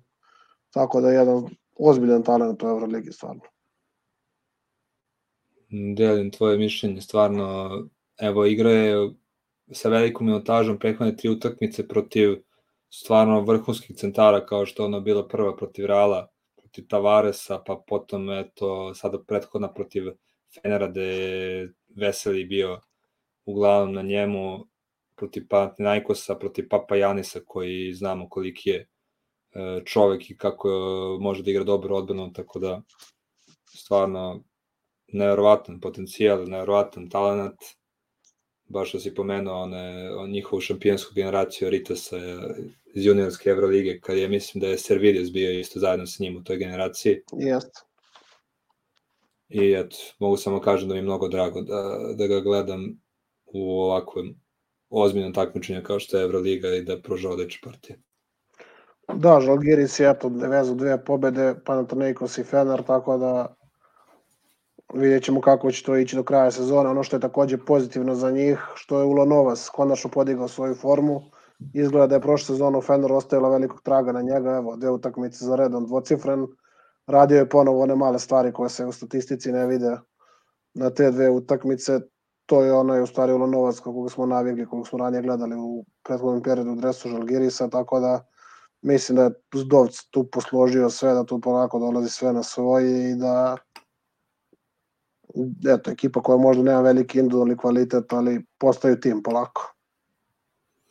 Da, na kraju krajeva uspeo da uspostavi tu neku disciplinu u ekipi i ako ništa drugo, ovakva ekipa u ovom trenutku sezone može makar da se disciplinaju u odbrani, da budu e, čvrsti protiv svake ekipe i da na taj način traže pobede. Tako da svaka čast e, Zdovcu jeste da sam bio pripadnik te teorije da ne znam šta može puno promeni u ovoj ekipi, ali našao je način na koji može da, da makar e, trgne ekipu i da odigraju bolje e, svoje utakmice. Eto, nadam se da će nastaviti sa, sa pobedama u Euroligi. Tako da, eto, prošli smo sve ekipe, o, ostaje nam, što se tiče Evrolige, naš e, zanimljivi segment, e, neka Jordan, neka Miki. Uh, ove, ove nedelje ne znam, ne znam, ne znam, nisam mogao da, da nađem svog Mikija, pa ću još malo da razmislim, a evo daću tebi da prvi kreneš što se tiče svojih, svojih izbora. Pa evo, ja opet moram da kažem da moj Miki nedelje neće biti vezan ono, za statistiku i za to, nego evo, Miki nedelje uh, u stvari krenemo u stvari od Jordana Saša Vezenko, koji mi je prošle godine bio Miki nedelje, sad će im bude Jordan da. nedelje, posle dve sjajno, sjajno odigrane utakmice, što se tiče Mikija, to je Okaro White, ne znam, kvalitet i talent koji on posjeduje i način na koji to pokazuje i njegov taj stav na terenu, ja to ne volim da vidim i eto, on je za mene Miki nedelja. Da, evo, baš ja ne mogu da se pohvalim sa svojim Mikijem od prošle nedelje da mi on sad bude Jordan nedelje, pošto mi je Fenerbahče bio Miki nedelje prošle nedelje. Ovaj, tako da ću I ja ostaje prvo... i ove. I ostaje, može da ostane i ove. Ajde da, da mogu da prepišem što se kaže. A što se tiče Jordana, već sam rekao bio kad smo pričali o Bayernu, ali eto ja stvarno moram da to kažem, zato što sam e, sticajem okolnosti više puta pogledao utakmicu protiv Panathinaikosa i moj Jordan nedelje je definitivno Vladimir Lučić jer je to takav pobednik, to je takva faca, stvarno, stvarno sam e, obožavao, obožavam uvek da ga gledam. U onoj utakmici da nije mogao ništa pogoditi, da ima probleme sa faulovima tokom cele utakmice, znači imao je treći faul je dobio u drugoj četvrtini, četvrti faul je dobio u trećoj četvrtini, ali ono što me najviše fasciniralo kod njega, što se tiče odbrane, što on, kada ima problema s faulovima, on svaku odbranu igra maksimalno agresivno i uopšte e, se ne štedi, čak nekim situacijama može se kaže da je rizikuje, ali ta odbrana može bude agresivna, ali to to tako čisto u smislu da ne, ne, ne daje ne daje svom protivniku šansu da iz njega izvuče neki faul i da ga još više poremeti, nego stvarno odigra jednu čvrstu mušku odbranu i nije, nije ga izbacivao trikjeri u tim situacijama, to me isto iznenadilo da, dajemo da igra i to tako iskusno radi, da eto, uspe sebe da održi u utakmici i da bude tu kada se odlučuje i da one dve jedine trojke na utakmici, znači dva jedina koša na utakmici tako, i da reši Za dva nije ni šutirao. Za dva nije ni šutirao, da. Ja sam namerno prepustio tebi Lučića, kako se zove kao Jordana, tako da eto, ništa, možemo polako na ABA ligu. Tako je, možemo na ABA ligu. Bilo je bilo je dosta, e, da kažem, iznenađujućih, iznenađujućih rezultata. Po meni, ono, pre svega, ajde, možemo to ovako malo random da, da krenemo sa utakmicama, možemo prvo baš e, Megu i Cedevitu, koja je uspela Mega Cedevita, Mega je dobila Cedevitu sa 29 razlike i to što je bilo potpuno meni neverovatno i evo sada polako se Jurici Golemcu možda drma stolica. Čuo sam neke izjave Sanije Bećirovića da nešto mora da se menja u ekipi, da su na tržištu, a boga mi mislim da su i na tržištu što se tiče trenera. Jer ova ekipa... Milan Tomić i Filipovski su neke opcije koje su se pojavile, koje sam ja dobio informacije, tako da vidjet ćemo da li o tome ima istine i da li će se nešto toga realizovati. Da, e, eto, aj, Saša Filipovski je inače bio pre u svojoj karijeri trener Olimpije, pa možda bude neko realnije rešenje tu, a eto, sećamo se Milana Tomića u, na klupi Zvezde, ne znam sad, nisam neki fan e, njega kao trenera, ali šta znam, nešto mora da se menja u ekipi CDVita.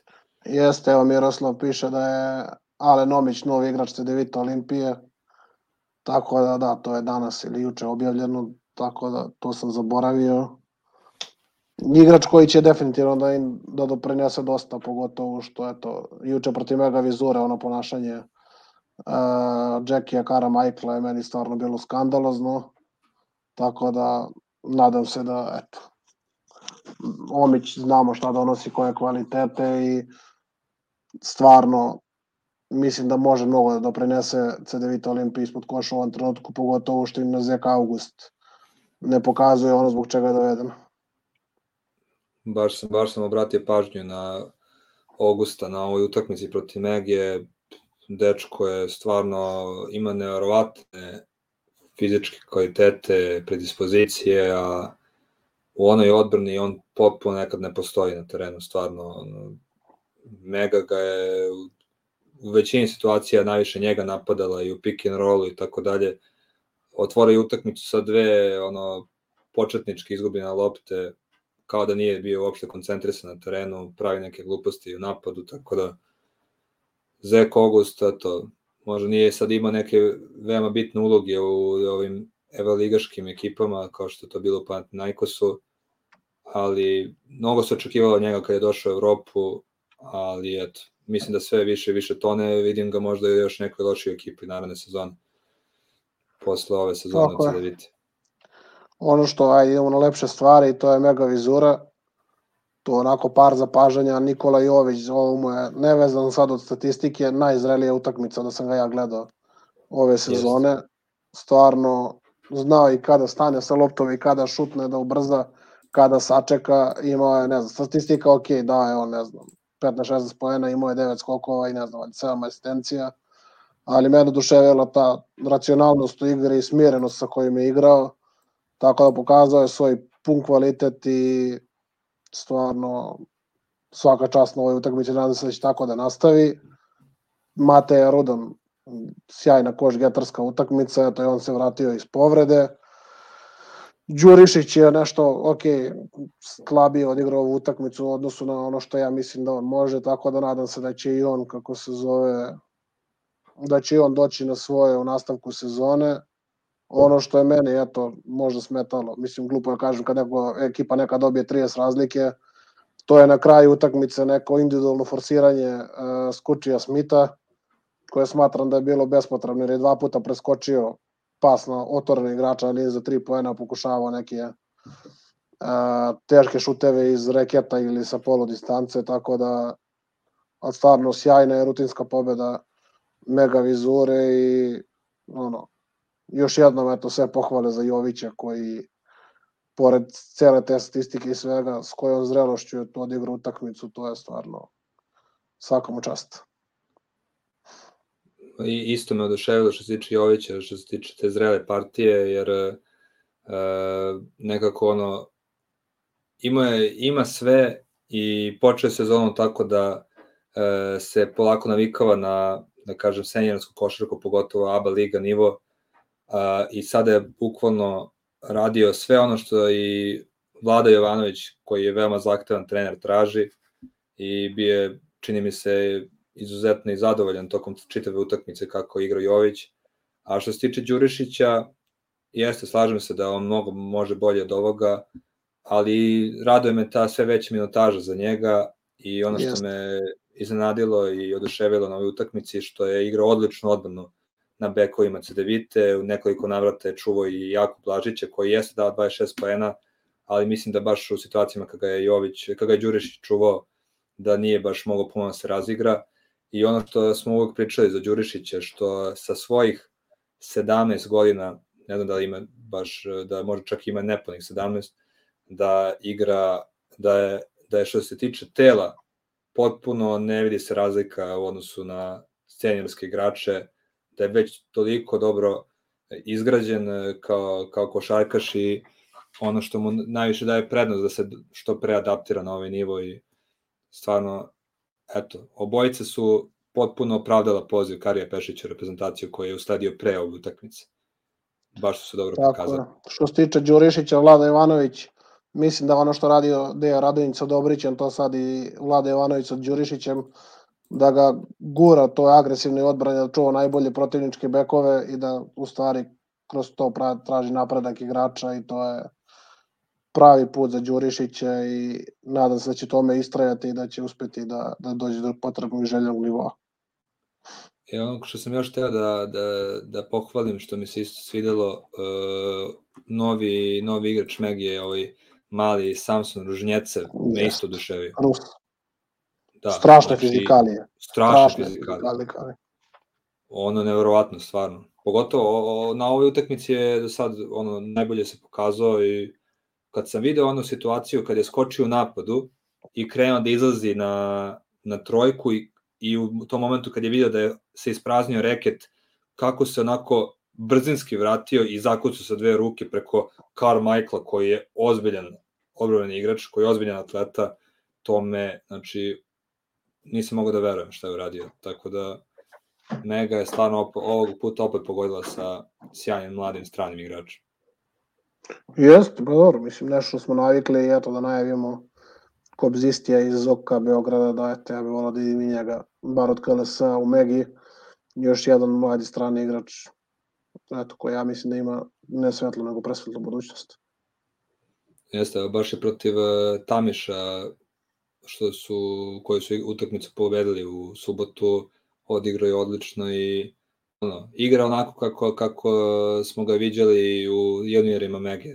Ono, sve radi na terenu, ne ističe se puno što se tiče napada, skroman igrač, ali sve ostalo radi i ono što se ne vidi u statistici, tako da slažem se s tobom, ovaj, mislim Jeste. da i njega čeka uh, karijera u prvom timu Mege. Ništa, ćemo onda na derbi kola. E, da, Partizan budućnost Kako uh, u areni. E, iskreno nisam očekivao ovako, da kažem, e, utakmicu Partizana nakon one dva poraza prošle nedelje i od Zvezde i od Andora i ono, koliko toliko mučenje protiv Lijetka Belesa, ali nisam očekivao ovakvu utakmicu Partizana u smislu da i tokom čitavog meča da kontroliše rezultat, e, da, da u nekim naletima budućnosti su znali da da odbiju ovaj, njihove dobre njihove te serije i pre svega oduševila me odbrana u poslednjih nekoliko minuta odlučujućih e, partizana koje, kako su se i odlepili na kraju e, i pobedili sa devet razlike, tako da istina, istina za volju budućnost, budućnost, budućnost e, ima problema s povredama svojih bitnih igrača kao što je Willi Reed i još od ranije naravno Nikolić koji nadam se da će se vratiti što pre na parket ali za njega najbitnije da je dobro sad zdravstveno kako mediji pišu, tako da sve u svemu očekivao se mnogo tvrđu utakmicu, u smislu mnogo neizvesniju, a tako da sve u svemu iznadila je partija Partizana i opet odlična igra Smajlagića na ovom meču, stvarno. Dečko igra sve bolje i bolje. Ne znam pa dobro, ja sam negde očekivao da će Partizan da pobedi budućnost pogotovo koja je oslabljena, Atić se vratio u onoj utakmici iz povrede, tako da ništa, mislim, pobeda Partizana, budućnost je uspela da se vrati sa velike razlike na neki egal, nisu uspeli do kraja da preokrenu i to je to, nema. Pa da. DJ Sili je opet šutirao fenomenalno na ovoj utakmici, 3 od 5 za 3, 2 5 za 2 poena, što je bilo malo lošije, ali 21 poen i nekako igrač koji u kakav god je rezultat na, na utakmici, u kom god, koju god situaciju on šutira e, svoje šuteve, ne zanima ga puno što se dešava oko njega, on će svoje da odradi i donosi baš ekstra kvalitet uh, ekipe Aleksandra Džikića. Tako da... Slažem sa tobom, sjajni individualac i baš mekano izgleda dok to radi. Meni je da. prelepo da ga gledam. Evo što Miroslav piše, da, Partizan je uzeo, budućno, uzeo reket igračima budućnosti, tako da budućnost čak ovoj utakmici nije štirala loše ni za tri. Partizan je štirao katastrofa za tri, ali eto, to je jedan od uzroka pobjede Partizana sigurno. E, da, odlična observacija Miroslava, stvarno, eto, baš e, što smo rekli da je Vili Rid odsustovo, oni su na poziciji centra imali Zorana Nikolića koji, eto, znamo kako igra, ovaj, kako da može da odigra jednu sjajno, pa onda 10 utakmica loše. Uh, tu je bio i Filip Barović koji isto ima malo minutažu, pa je najviše možda probao na, na parketu na toj poziciji Jacob Wiley, koga sam očekivao mnogo više od, od ove sezone. Mislio sam da će mnogo veći kvalitet da prinese. Mislim da se još pokušava da se uklopi u ekipu, ali eto, ne znam, mislio sam da, da može mnogo bolje da, da bude od koristi igračima, tačnije ekipi budućnosti ove sezone. Ja mislim da će Wiley tek da dođe ono na svoje, kad bude korišćen, mislim ja mislim kad se Danilo Nikolić vrati, kad bude sa pozicije 4 mogu da se ozbiljno širi parket, da će onda u tom rolu koji možda jeste najveći segment njegove igre sa Kopsom, kako se zove, da donese velike stvari budućnosti. Tako da vidjet ćemo šta će da bude. Evo imamo evo, uvek e, interesantna pitanja od Miroslava što kaže nagradno pitanje bez nagrade. Koji igrač ima najveći, verovatno, usage na cijele ligi? Ne, kako već. Ja bih rekao Rok Stipčević ovako iz glave.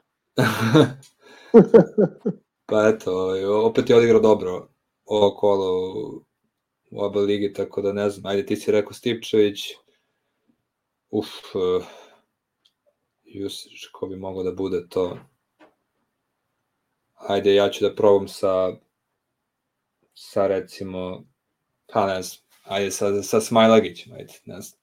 Nije, nije mi sad pao niko na pamet, iskreno, tako da eto, nek nas, nek nas obraduje Miroslav sa odgovorom.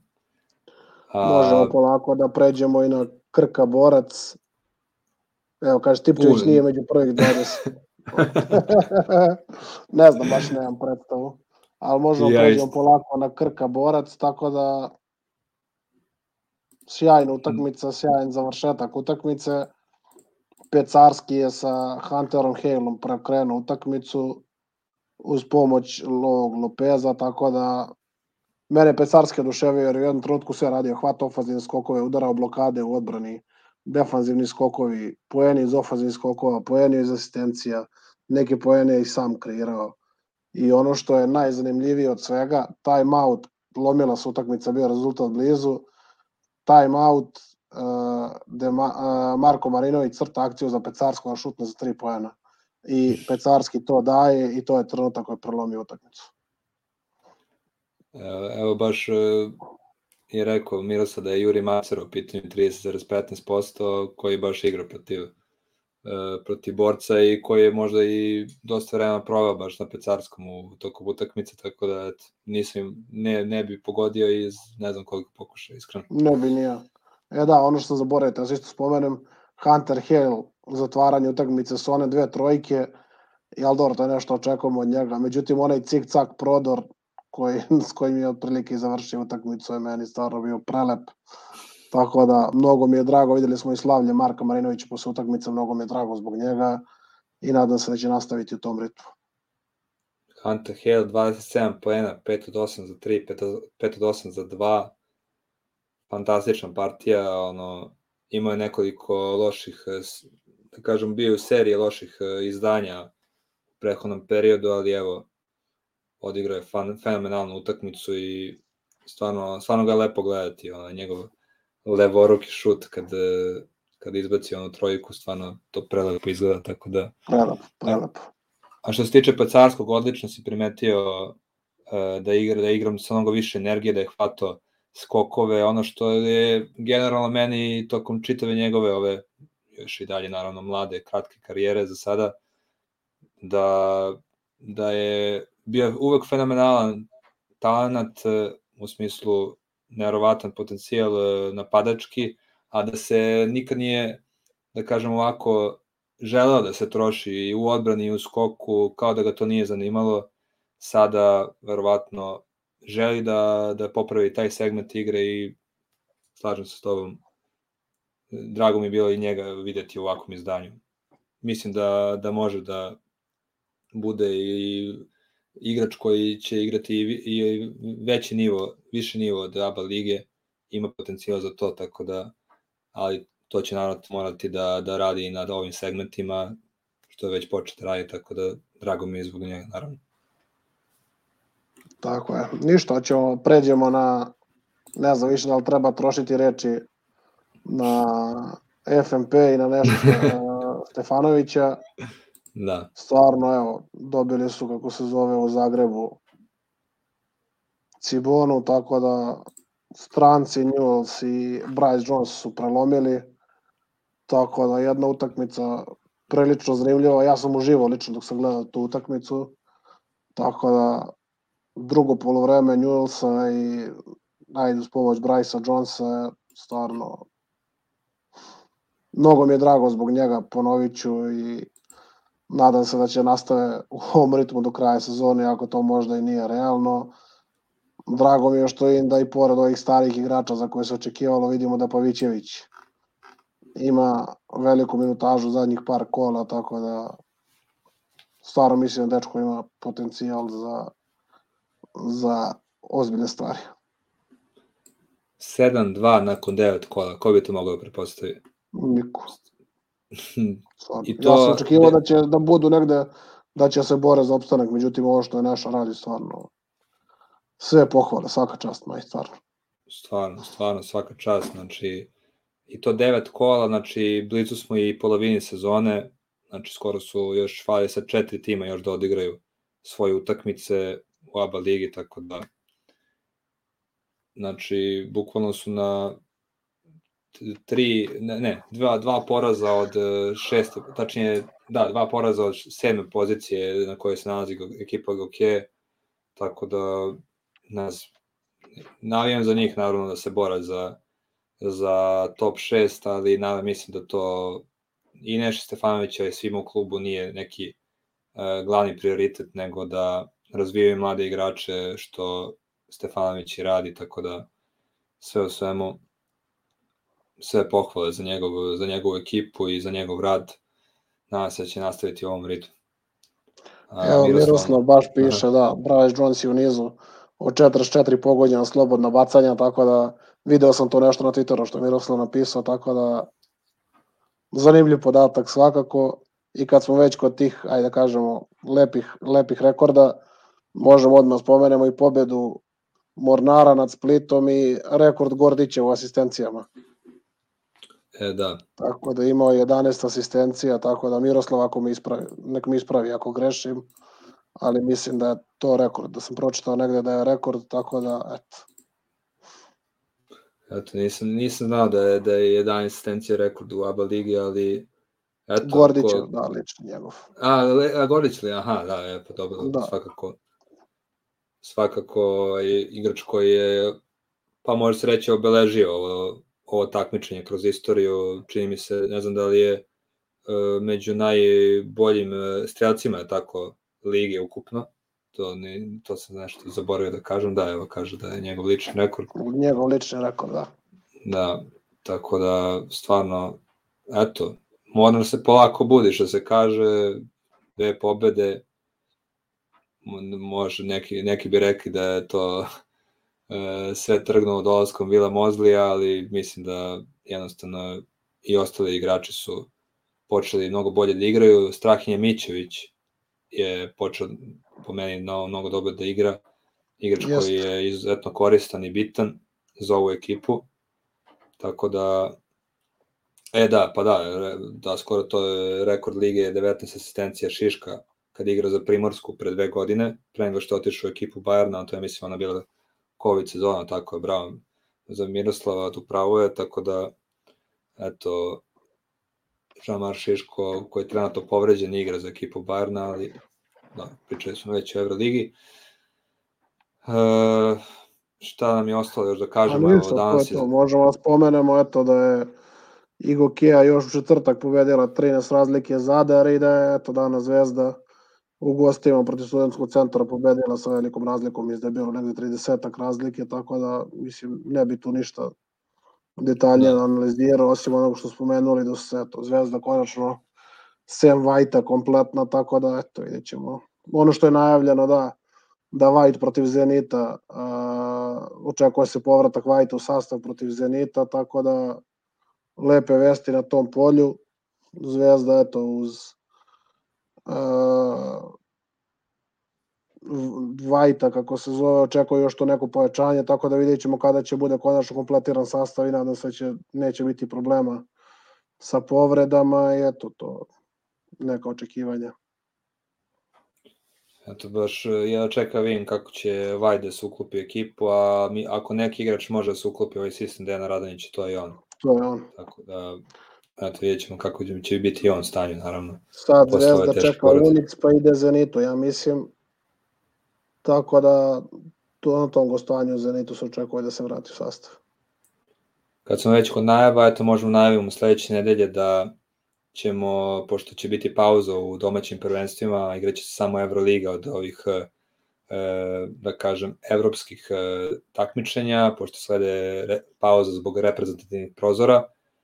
Pričat ćemo naravno kao i uvek o Euroligi, ali ćemo se dotaći reprezentativnih e, ovih, e, da kažem, kvalifikacija za svetsko prvenstvo, tako da pričat ćemo o Srbiji, naravno, pre svega, njihove dve utakmice protiv Letonije i Belgije, tako da to biće zanimljivih tema i sledeće nedelje.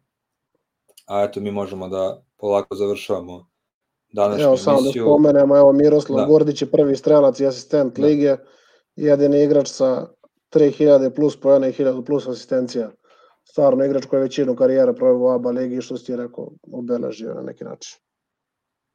Jeste, da, baš ono što sam, znao sam da je, da je skoro bila neka, neka veza za njegove poene što se tiče uh, što se tiče njegovih poena u istoriji ABA lige.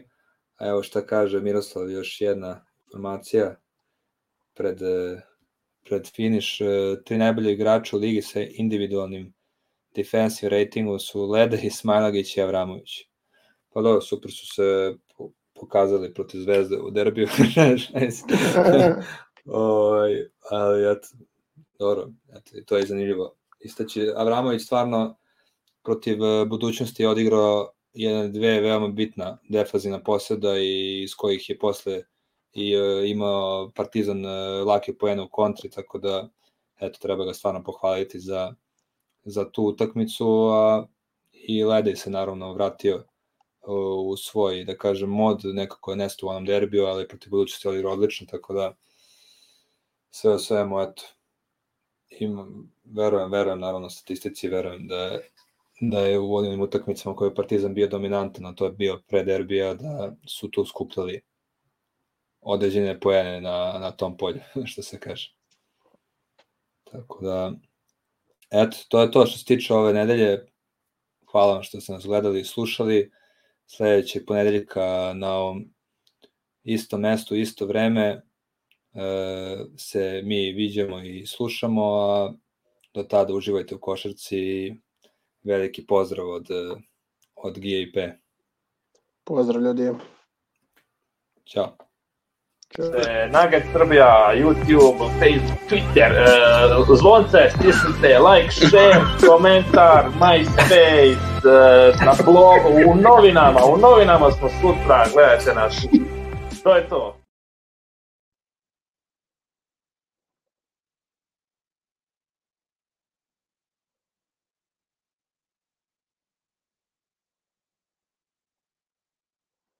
Evo, me čuješ?